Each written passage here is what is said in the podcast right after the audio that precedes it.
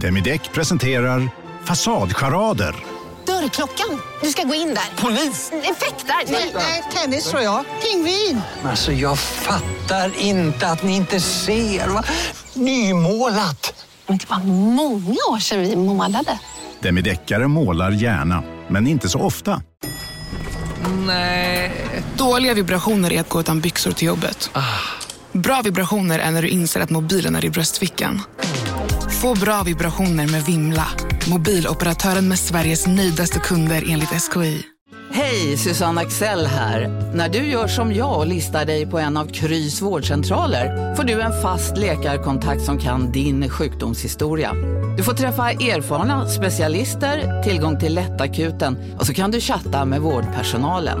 Så gör ditt viktigaste val idag, lista dig hos Kry.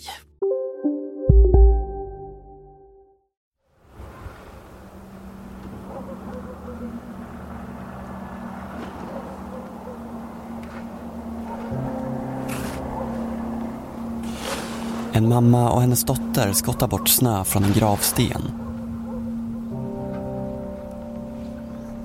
All den här snön har kommit bara i natten. Under snön kommer granris och ljung fram. Sen en bild på Marcus och ett rött hjärta. Det står vila i frid. Här ligger en son och en bror begraven. Här vilar Marcus. Han blev 25 år. 2016 var han en av nästan 140 personer som dog av en överdos av ett fentanylpreparat i Sverige. Det är som jag sa till Mira sist när vi var här. Det... Jag vet inte jag... hur många gånger man har den känslan av att det här är inte sant. Man sätter på sig en mask och man, man kan fullt ut inte sörja för det, det blir för smärtsamt. Så, så fort det börjar bli för smärtsamt så är det på något vis som kroppen säger att det visst, det är ett kort och det är en gravsten men man, får, man kan inte riktigt ta till sig det. Du lyssnar på en mörk historia om fentanyldöden och de lagliga drogerna. Mitt namn är Karl Fridsjö.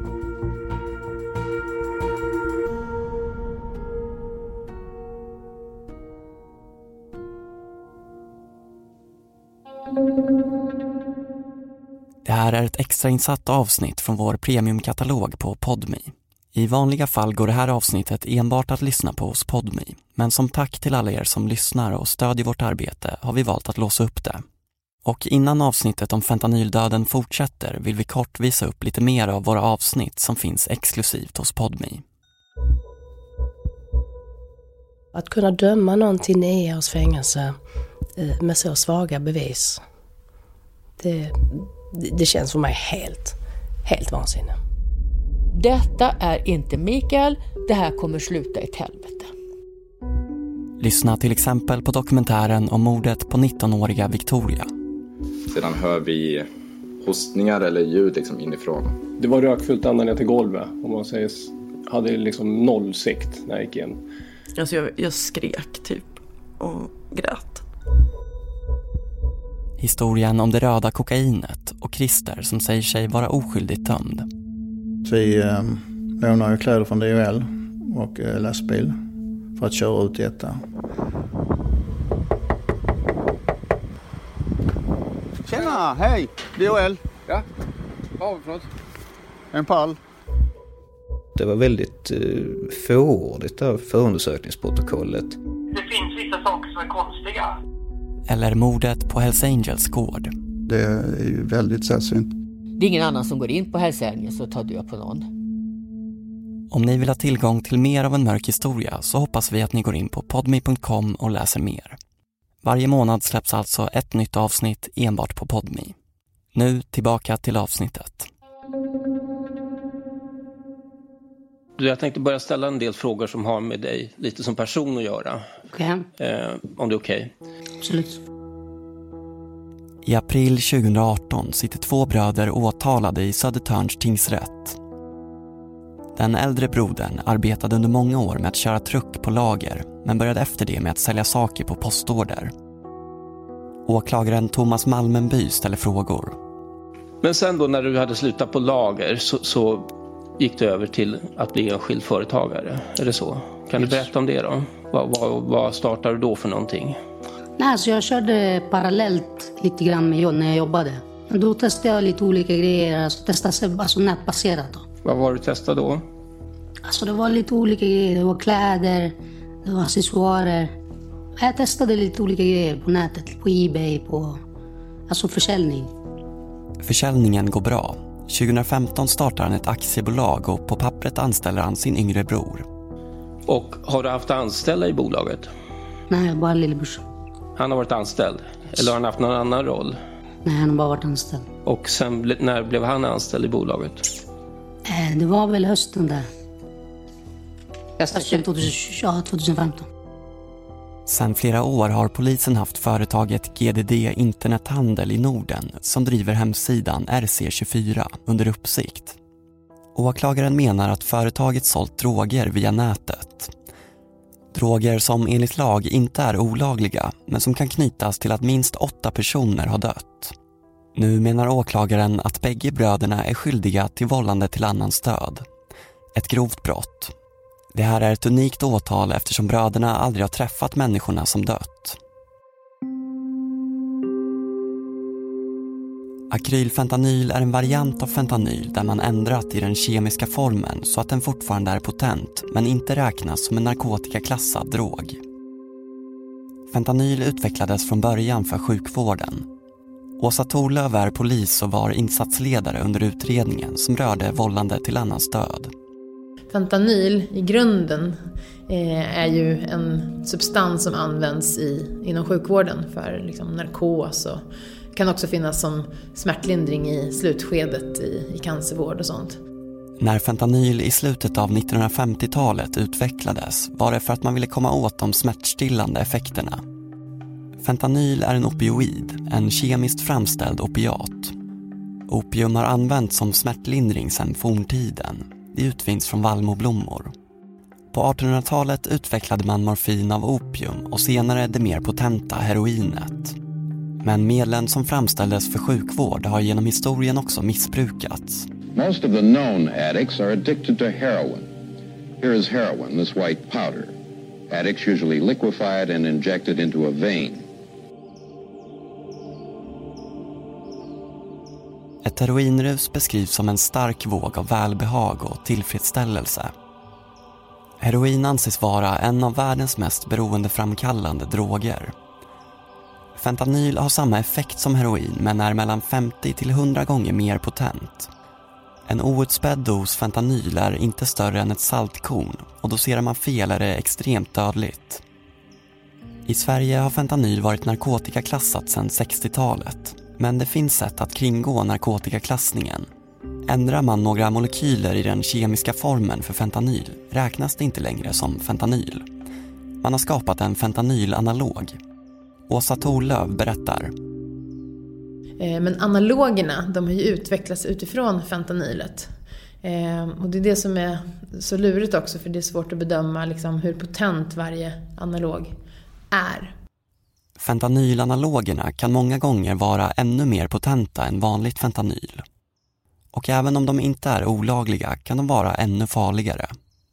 What killed Prince is no longer a mystery. It is spelled out in black and white. Uh, they said that Prince self-administered fentanyl and that he died from fentanyl toxicity. What is fentanyl? It is the strongest opioid-based painkiller on the market. 2016 dör världsartisten Prince i en överdos av fentanyl.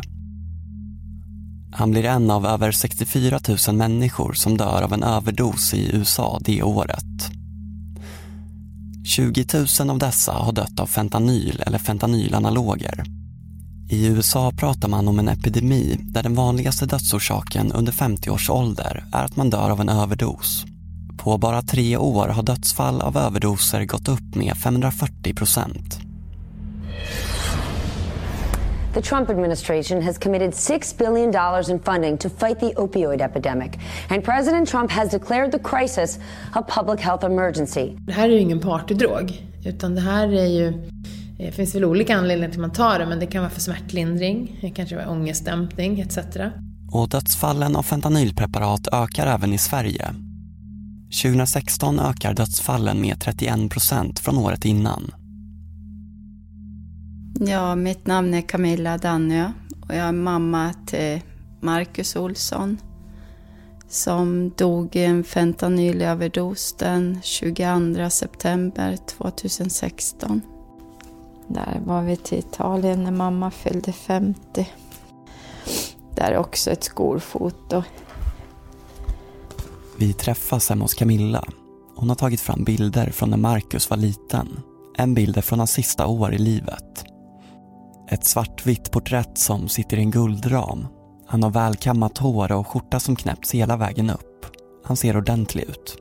Det är Marcus när han var 25. Ja, han var precis fyllda 25 år. Och anledningen att jag har velat visa hans bild det är att, att få bort fördomarna kring eh, de som håller på med droger, hur de ser ut.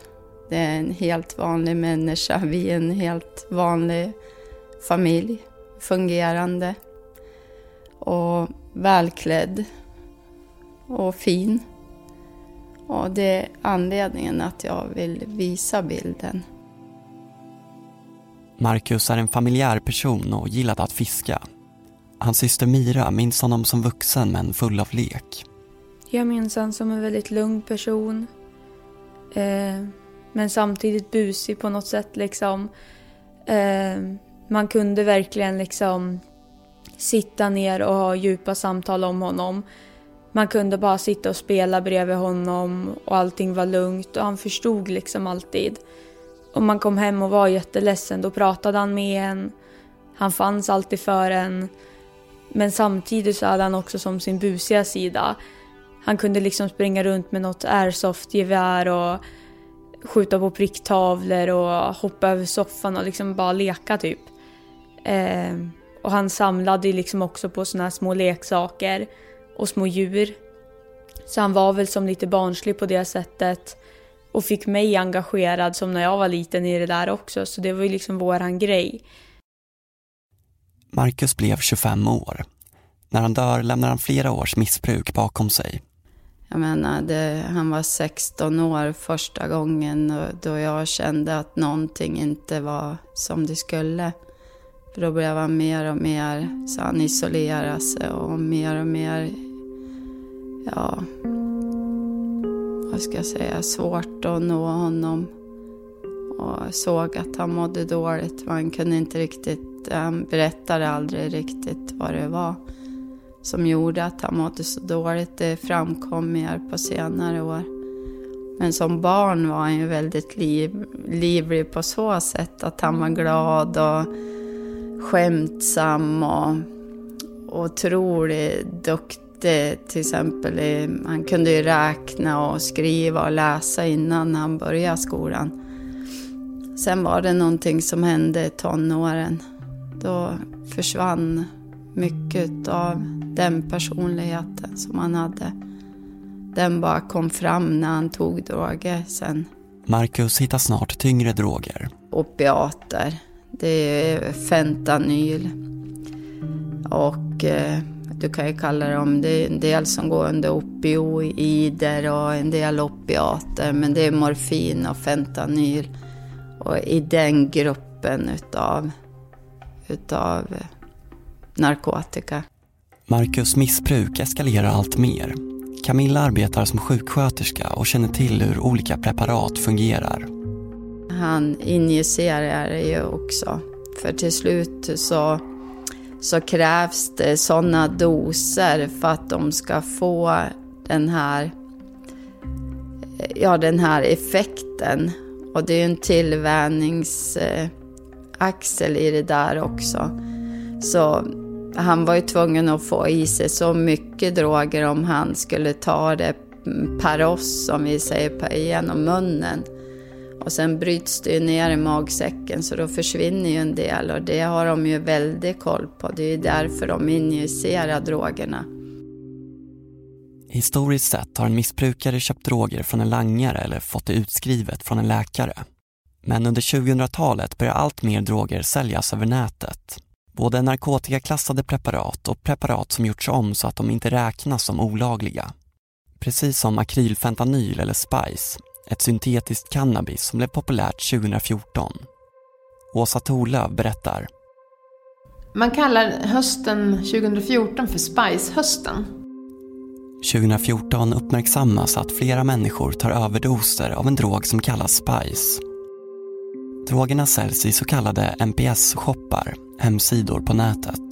Och NPS står för nya psykoaktiva substanser på nätet. Och signifikant för dem är ju att de säljer substanser eh, som inte är klassade. Man kallar det för research chemicals, alltså forskningskemikalier.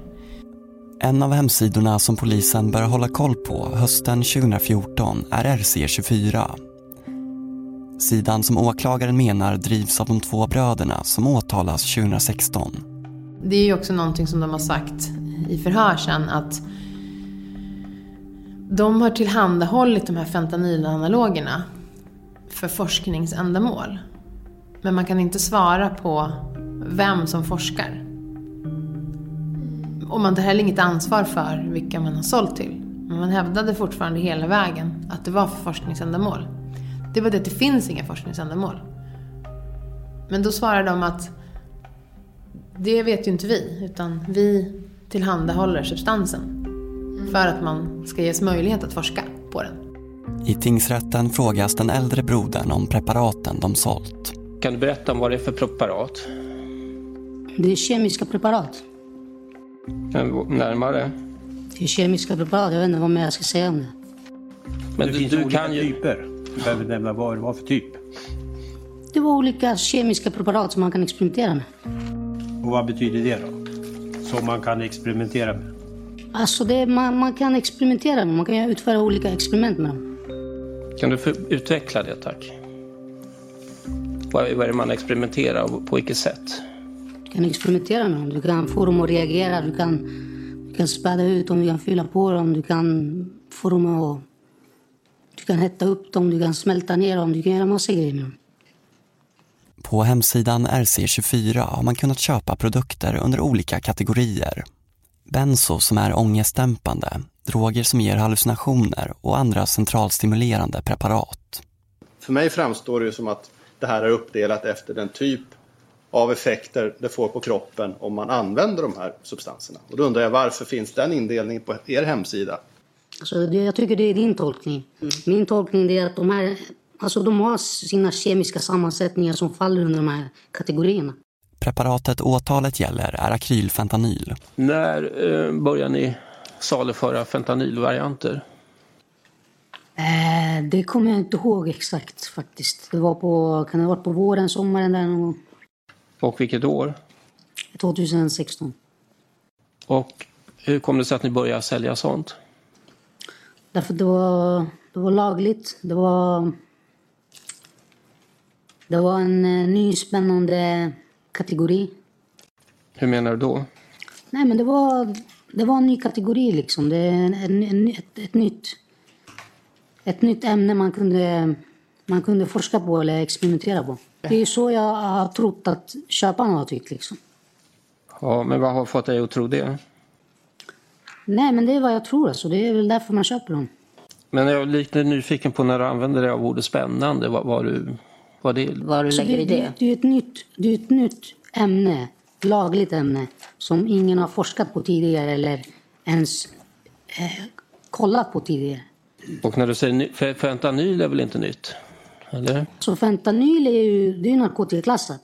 Mm. Men akrylfentanyl var inte narkotikaklassat eller klassat som någonting. Det var ett helt nytt ämne. Det var en helt ny substans. Man kan inte likställa det med fentanyl. Och hur visste du det, att det var en helt ny, nytt ämne, en helt ny substans? Därför att jag, jag hade inte hört, alltså, jag hade inte hört om det. Så det var utifrån vad du hade hört talas om alltså? Ja. Hemsidan har sålt akrylfentanylet i nässprayflaskor. Detta menar åklagaren beror på att man riktar sig till missbrukare. Åsa Torlöv menar att det var en viktig anledning till att missbrukare köpte produkten. En ytterligare sak som var som vi tror var viktig och avgörande för de många brukare i de här ärendena, det var just att det här intogs i nässprayform. Eh, vi har fått förklarat för oss att dels är den nasala upptagningsförmågan av substansen väldigt god, så att du får en ganska snabb effekt. Dessutom så behöver du inte injicera med nål, utan det är ju lätt att ta. Och det tror vi en, har varit en viktig faktor för att kunna att beställa det här och bruka den också. Den äldre broderns förklaring till varför man sålde akrylfentanyl i nässprayflaskor handlar inte om att försäljningen anpassats till missbrukare. Det gick inte att alltså, sälja så små mängder i, i, i, alltså, i pulverform. Men det gick desto fortare att, att blanda ut det och sen bara tappa upp det i flaskor. Och vad var det för typ av flaskor då? Eh, jag hade lite olika flaskor. Jag hade eh, några med kork på och sen hade jag några med som såg ut som nässpray. Och vad är det för nässprayflaskor du har haft då? Eh, jag tror att jag, jag, jag har haft genomskinliga, jag har haft vita, eh, bruna tror jag också. Åtalet mot de bägge bröderna gäller vållande till annans död. Alltså inte att de sålt preparaten som inte är narkotikaklassade. Åklagaren vill föra bevis att de bägge varit en del i att människor dött. Själva nekar de till detta. De menar att ingen av dem har något ansvar i dödsfallen och att den yngre broderns inblandning inte är mer än att han anställts för att leverera paket till posten. Här har vi den yngre brodern. Vad, när du började jobba för din bror, kan du beskriva vad du fick göra då för någonting?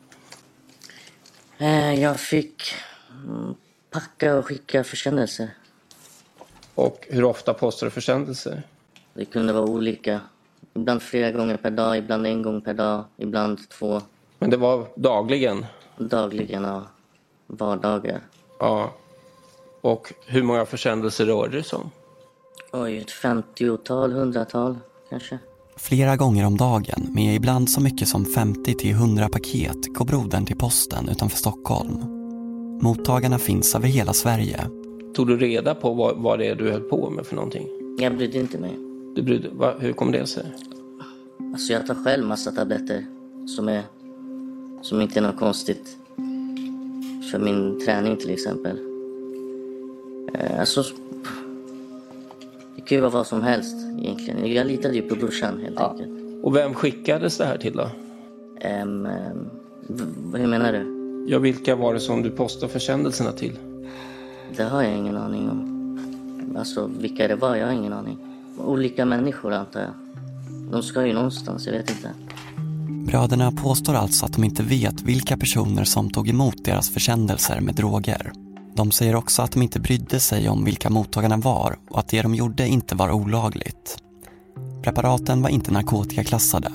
De menar alltså att de inte vetat vad som hänt med personerna som tagit emot paketen med akrylfentanyl. Det här var, jag kommer ihåg det så väl, för det, det första gången han tog det här preparatet, eh, den här analogen, fentanylanalogen, sprayen. Det var, han hämtade ut det på Statoil på Frösön. Och det här var i början på sommaren. Marcus mamma Camilla fick uppleva på nära håll vad som kunde hända efter det att preparaten landat hos mottagaren. Marcus fick sitt första paket med akrylfentanyl från RC24 i början av sommaren 2016. Anledningen att jag kommer ihåg det så väl, det var att Marcus sa att det här är lagligt.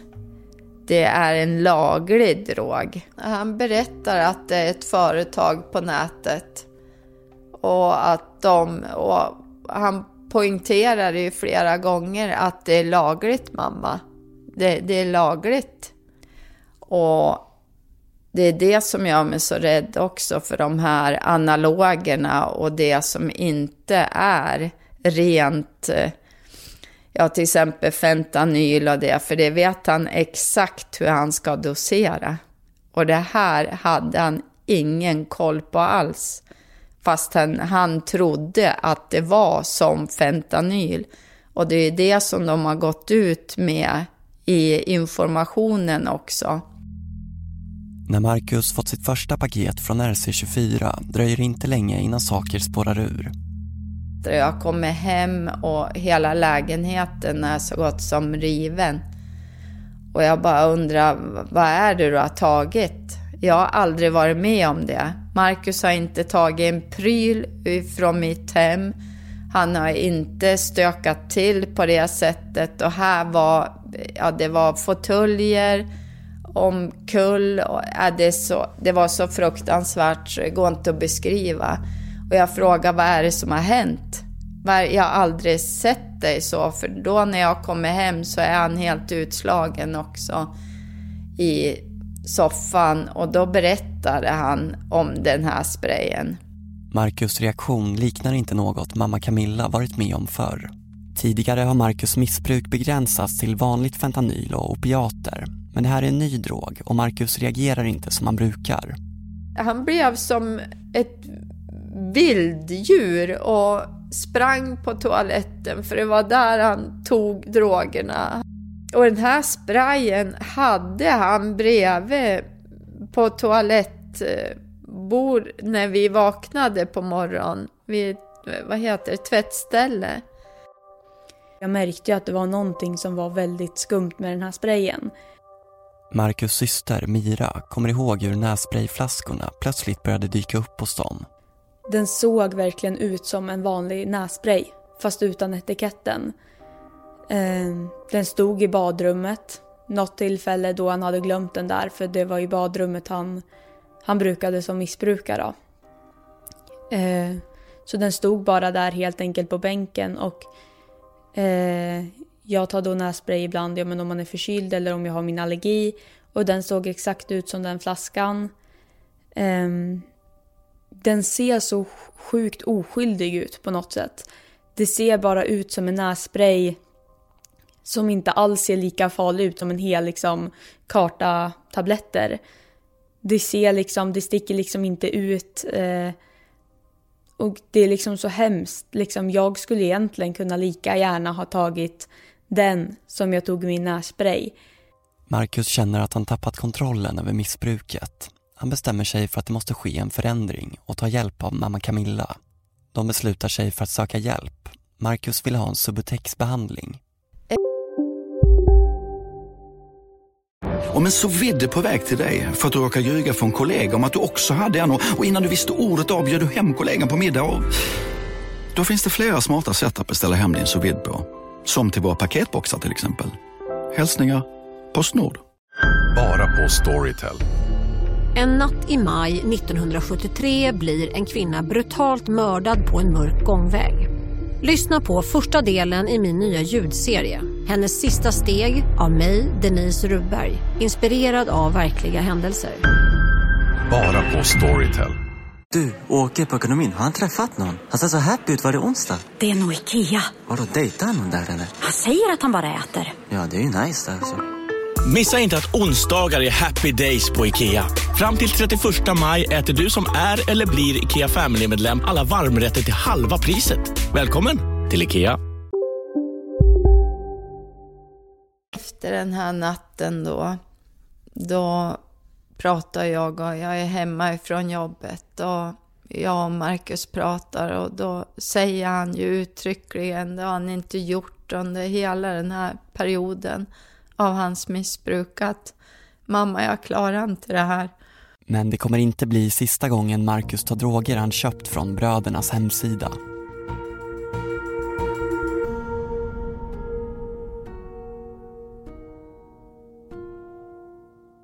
I tingsrätten får de åtalade bröderna fler frågor om de visste hur farliga preparaten de sålde var. Vad har du känt till om farligheten av akylfentanyl? Först har vi den äldre brodern. Alltså vad jag, vad jag vet idag, det visste jag inte då. Vad visste du då? Alltså jag reflekterade inte så mycket kring dess farlighet och så. Jag, jag tänkte mer på att det kanske var frätande eller någonting. Om man fick det på händerna till exempel. Här har vi den yngre brodern. Vad jag känner till? Ja. Det ska vara farligt. Precis, jo, alltså det är det jag känner till. Men det kände jag inte till då, om man säger så. Man måste vara tydlig. Mm. Men vad kände du till då? då? Jag hade ingen aning om vad det, vad det var. Och vad är det som gör att du känner till att det är farligt nu? Jag har suttit och läst i förundersökningen bland annat. Snart efter det att RC24 börjar sälja akrylfentanyl 2016 börjar också människor dö. Den 4 juni hittas en 27-årig man från Örebro död på ett behandlingshem. Två dagar tidigare hade han tagit emot ett paket från RC24. Fem dagar senare dör en man i 25-årsåldern i Hörby i Skåne. Även han har tagit emot ett paket från bröderna. Ytterligare några dagar senare dör ännu en man på ett LSS-boende i Åtvidaberg. Överdoserna och dödsfallen sker över hela Sverige. Den gemensamma nämnaren är att personerna som dör alla har köpt akrylfentanyl från hemsidan som åklagaren menar drivs av de två bröderna. Samtidigt som dödsfallen pågår håller RC24 sommarrea. Det som händer under sommaren 2016, då man också ser ganska mycket dödsfall, eh, det är att man går ut med ett sommarerbjudande på hemsidan där man erbjuder akrylfentanylflaskorna köp två, betala för en. Det, här har varit en viktig faktor i utredningen därför att eh, flera av de avlidna i, i, våra fall, de flesta dog av just akrylfentanyl. Eh, för mig är det som att, okej, okay, det är skorea. Man rear ut akrylfentanyl precis som du rear ut skorna på någon väletablerad skobutik. Även om ett preparat inte är narkotikaklassat kan myndigheterna gå ut och varna för farligheten. Och det är precis det som hänt strax innan bröderna börjar rea ut akrylfentanyl. Åsa Thorlöv menar att varningen från myndigheterna gör att bröderna förstår att preparatet snart ska bli olagligt. Att det är på väg att narkotikaklassas. Och vi ser det här som en direkt möjlighet att sälja ut sitt lager. Det är därför man säljer ut de två för en, för man vet att det börjar närma sig klassning. Men ändå fortsätter man sälja de här substanserna trots att man då borde inse att, aha, det är farligt. Oj, det dör folk av det här. Men ändå väljer man att sälja ut dem. Vi hör den äldre brodern i tingsrätten. Du har ju också visat från er hemsida hur det här kommer att, akrylfentanylet då kommer att reas ut, det är väl riktigt? Mm. Och när skedde det och varför? Um, jag minns inte när det var, men uh, jag minns att det skulle klassas. Ja, det skulle bli olagligt alltså. Nej, så jag, jag hade väl en liten mängd som jag ville, ville sälja bara innan, innan det blev olagligt. Och hur fick du kännedom om att det här skulle klassas? Så jag tror jag var inne på, vad var det, FOI, Folkhälsoinstitutet och kolla. Ja, för det har du sagt att du följer väl, eller? Ja, så jag följer när, när det kommer nya datum för klassning. Mm. Men hade ni akrylfentanyl kvar då i lagret? När det klassades? Ja. Nej. Strax innan det klassades då? Eh, nej, så jag minns att jag gjorde mig av med det när, eh, när, eh, när det inte gick ha det längre. Akrylfentanyl narkotikaklassas i augusti 2016.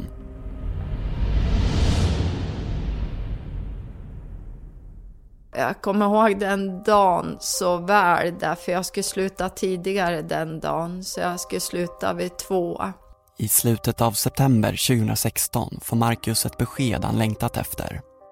Och då ringer Marcus mig på jobbet vid strax efter ett och tänkte varför ringer han nu när han vet ju att jag kommer bara om någon timme och är jätteglad för då har han fått beskedet att han ska få Subutex-behandlingen.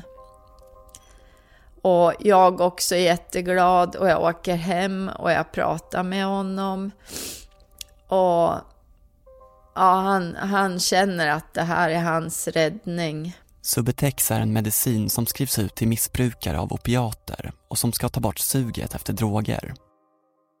Marcus ska nu få den hjälp han vill ha Camilla åker iväg igen och är inte hemma under kvällen. Istället besöker hon en före detta pojkvän. Men vid sjutiden på kvällen har hon flera missade samtal på sin telefon. De kommer från Marcus flickvän och hans kontaktperson. Det här känns inte bra i magen. Och jag törs inte åka hem ensam. Jag har en jättestark känsla av att det har hänt någonting. Så jag ber min expojkvän att du måste följa med mig för jag fixar inte att åka hem ensam. Så vi åker hem. Kommer hem och alla lysen är tända i huset. Och det här är ju 22 september så det är så gott som kolsvart ute. Och jag går in och dörren är öppen till ytterdörren och alla lysen är tända och det hade han ju jämt när han var ensam. Och går ganska spontant till badrummet eftersom det är där han tar droger. Och, och då ligger han där. Camilla agerar som om hon vore på jobbet, som en sjuksköterska i en akut situation. Hon börjar med hjärt och lungräddning och ringer efter en ambulans. Då tänker jag ju att han har, att han har tagit en drog fast jag kommer att få liv i han, att han inte har tagit en överdos. För mig så var inte det rimligt att han skulle göra det. Han alltså slog mig på fingrarna när det gäller läkemedel. Han visste exakt vad han skulle ta. Han var vansinne på personer som blandade, som han sa, bensodiazepiner med opiater. Att det, det är livsfarligt mamma, det kan man inte göra. Så att han skulle ta en överdos, det trodde jag inte var rimligt. Men jag förstod också att det var den här sprayen och jag såg den på badkars, vi hade ett badkar eh, fristående mitt i badrummet och där var ju sprayen. Och när jag sitter där med Marcus när han... När det konstaterades att det inte gick att återuppliva honom och det förstod väl jag när jag träffade på honom. Men det var ju bara rent instinktivt så handlade jag ju professionellt där och försökte med hjärt och lungräddning men jag förstod ju någonstans när jag såg hans eh, hudfärg och när jag kände hans eh, stelhet redan då och då har vi konstaterat att det här hände någonstans vid sjutiden på kvällen och jag var hemma vid nio.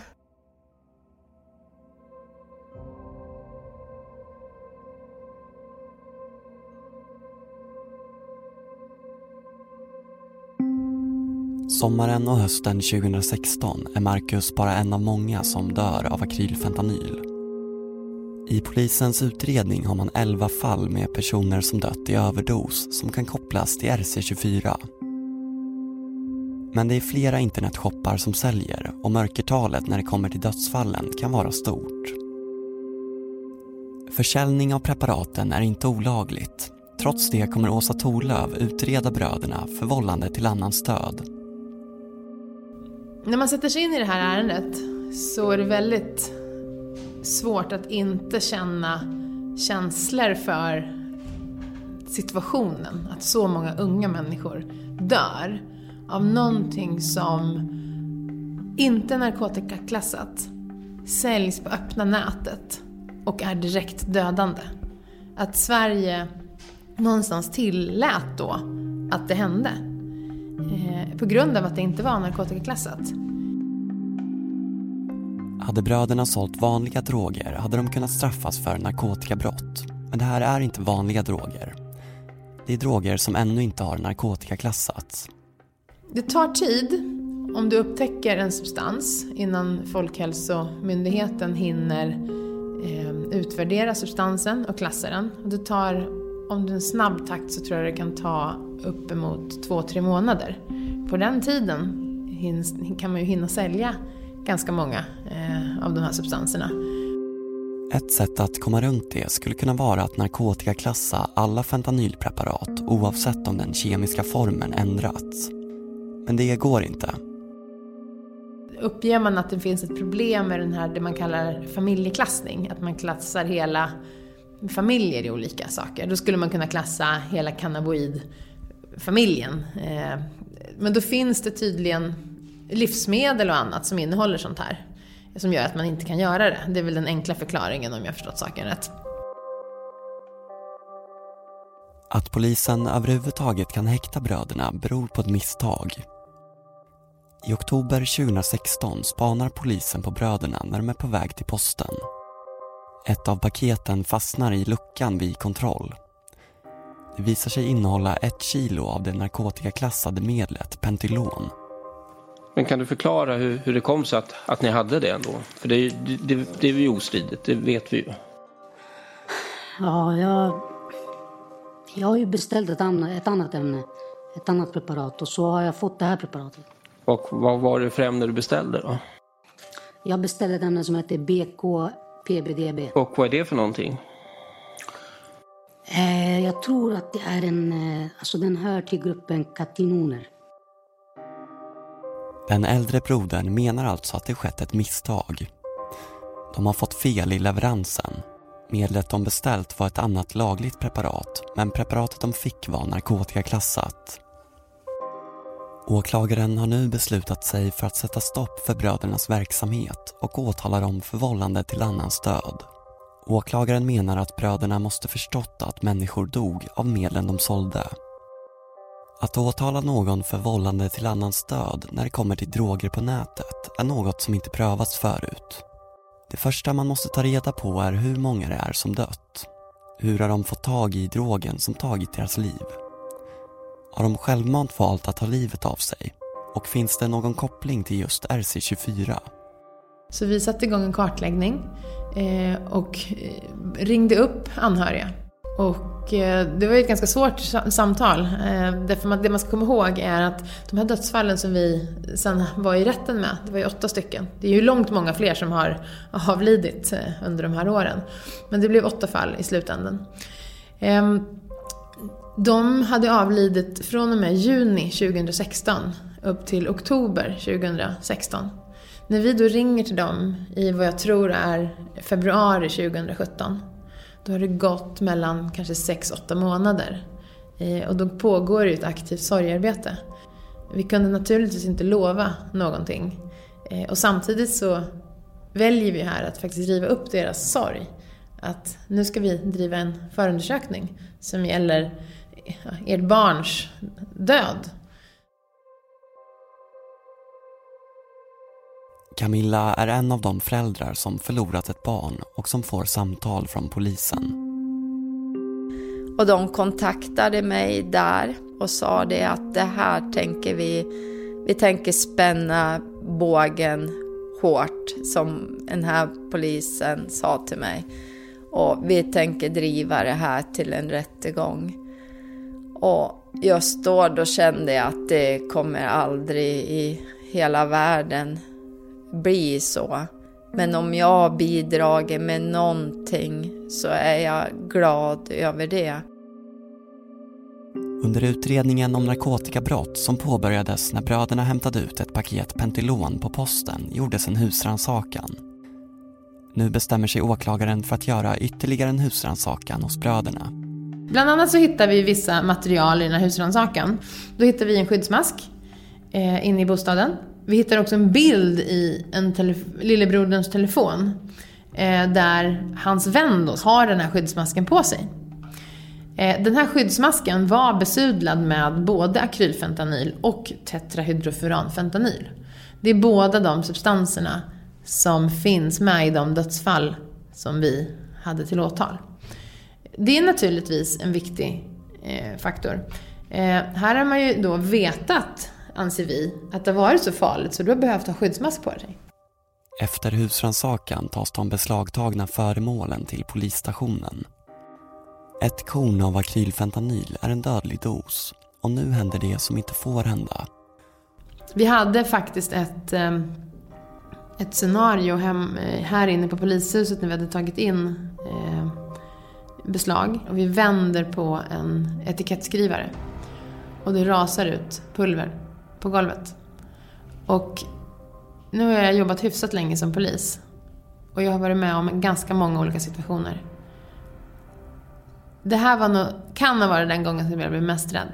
Därför att vi visste ju inte vad det var för pulver. De har ju massa olika substanser. När vi får resultaten från eh, NFC, Nationella forensiska centret, så var den här produkten besudlad med fentanyl analog. Så att rädslan var ju befogad. I februari 2018 väcks åtal och rättegången inleds i Södertörns tingsrätt. Det är inte bara riksmedia som rapporterar. Eftersom dödsfallen är utspridda över hela landet är även en lokal nyhet där dödsfallen ägt rum. Här har vi lokalradion P4 Jämtland. Två män från Stockholm står idag till svars vid Södertörns tingsrätt åtalade för grovt vållande till annans död efter att ha sålt fentanyl-liknande droger på nätet. Nu får Camilla för första gången träffa de andra anhöriga som också förlorat barn och familjemedlemmar.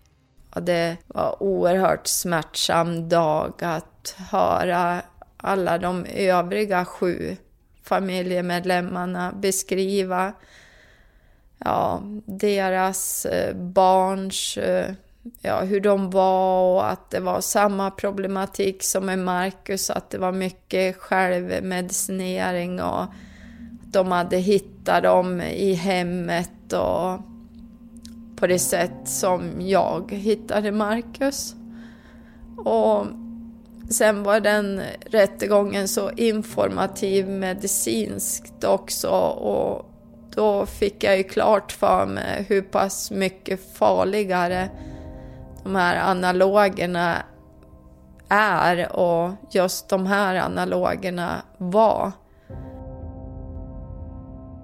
Försökte du kolla upp om det du sålde var farligt eller tyckte du inte det var så viktigt helt enkelt? Alltså gjorde du försök att kolla upp det? Nej, jag gjorde, nog, jag gjorde inga försök att kolla upp. Och var det då för att du inte tyckte att det var så viktigt om det var farligt eller inte? Eller varför gjorde du inte det? Så det var inte att jag inte brydde mig utan det var bara att jag tänkte inte på det just då. Du tänkte inte på det? Nej. Nej, okej. Okay. Om du hade vetat att det var så här, nu har du berättat och det är ingen som påstår att du ville att någon skulle dö, så det, det förstår vi. Men om du hade vetat att det var så här farligt, hade du sålt de här varorna då? Nej. Nej. Om du hade vetat att det var farligt så att man skulle kunna, ja man skulle kunna dö helt enkelt, om man, hade du sålt dem då? Nej. Huruvida åklagaren lyckas bevisa att bröderna är skyldiga till de åtta personernas död är fortfarande oklart.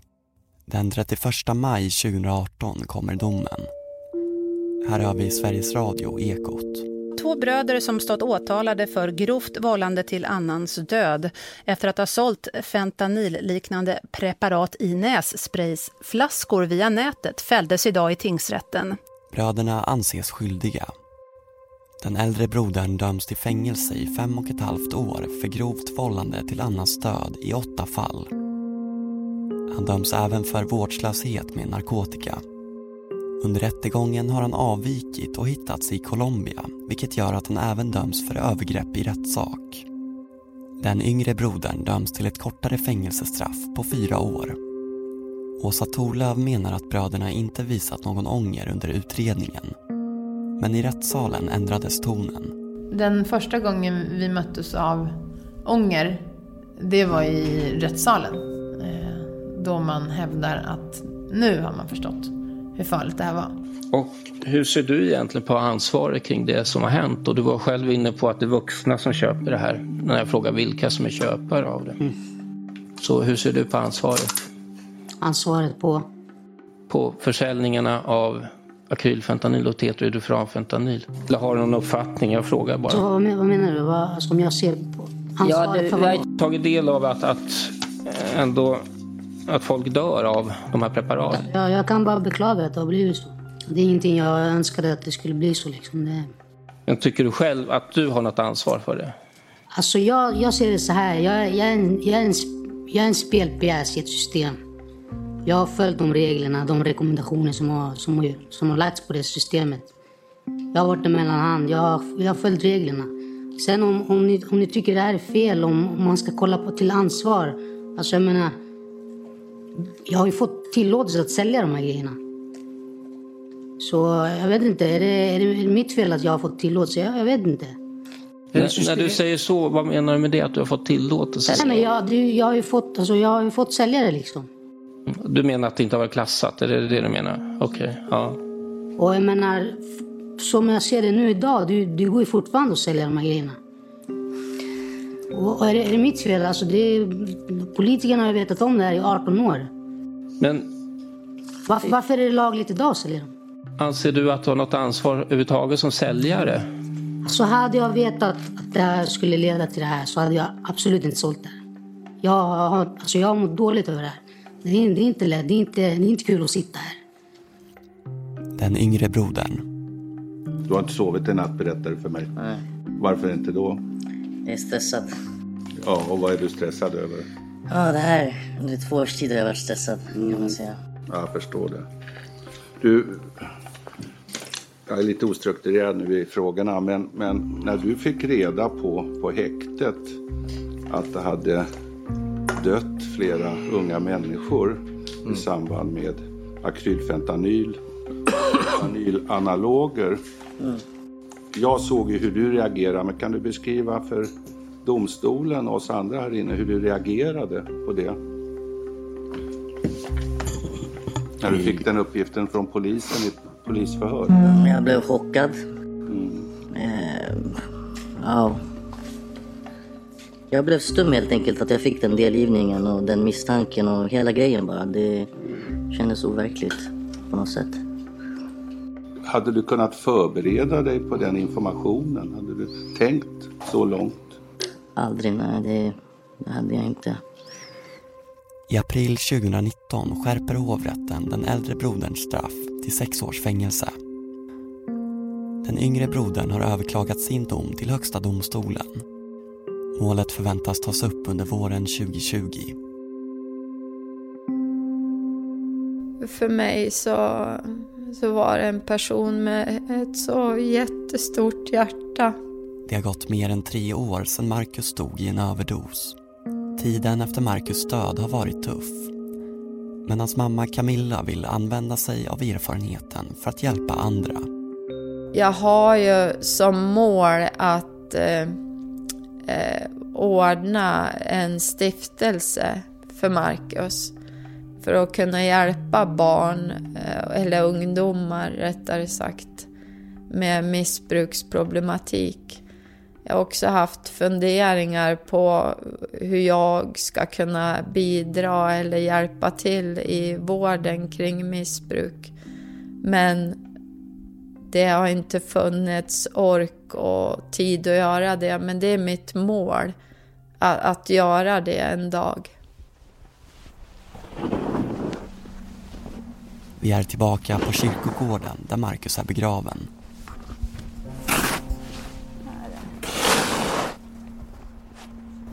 Du sa att du ibland brukar sitta och prata med honom.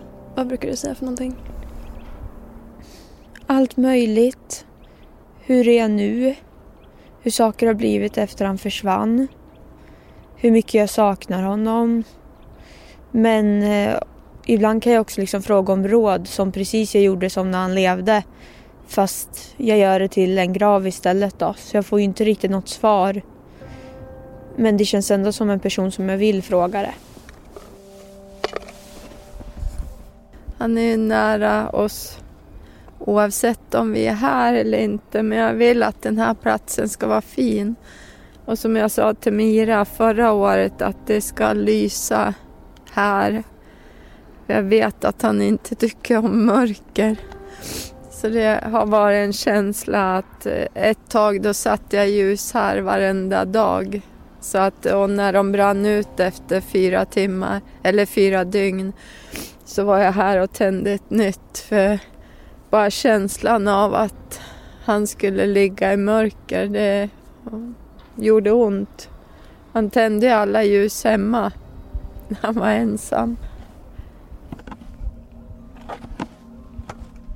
Du har lyssnat på en mörk historia om fentanyldöden och de lagliga drogerna. Reportrar var Ellen Hammarskjöld och Elisabeth Hedström. Producent Simon Måser och mitt namn är Karl Fridsjö. En mörk historia produceras av produktionsbolaget Just Stories. Alla som inte förekommer i form av yrkespersoner eller som tilltalade är underrättade om avsnittets publicering.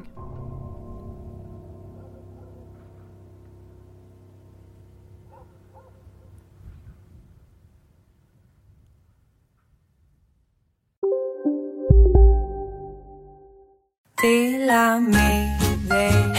Är du en av dem som tycker om att dela saker med andra? Då kommer dina öron att gilla det här. Hos Telenor kan man dela mobilabonnemang. Ju fler ni är, desto billigare blir det. Skaffa Telenor familj med upp till sju extra användare. Välkommen till någon av Telenors butiker eller telenor.se. Ni har väl inte missat att alla takeaway förpackningar ni slänger på rätt ställe ger fina deals i McDonalds app. Även om skräpet kommer från andra snabbmatsrestauranger. Exempelvis...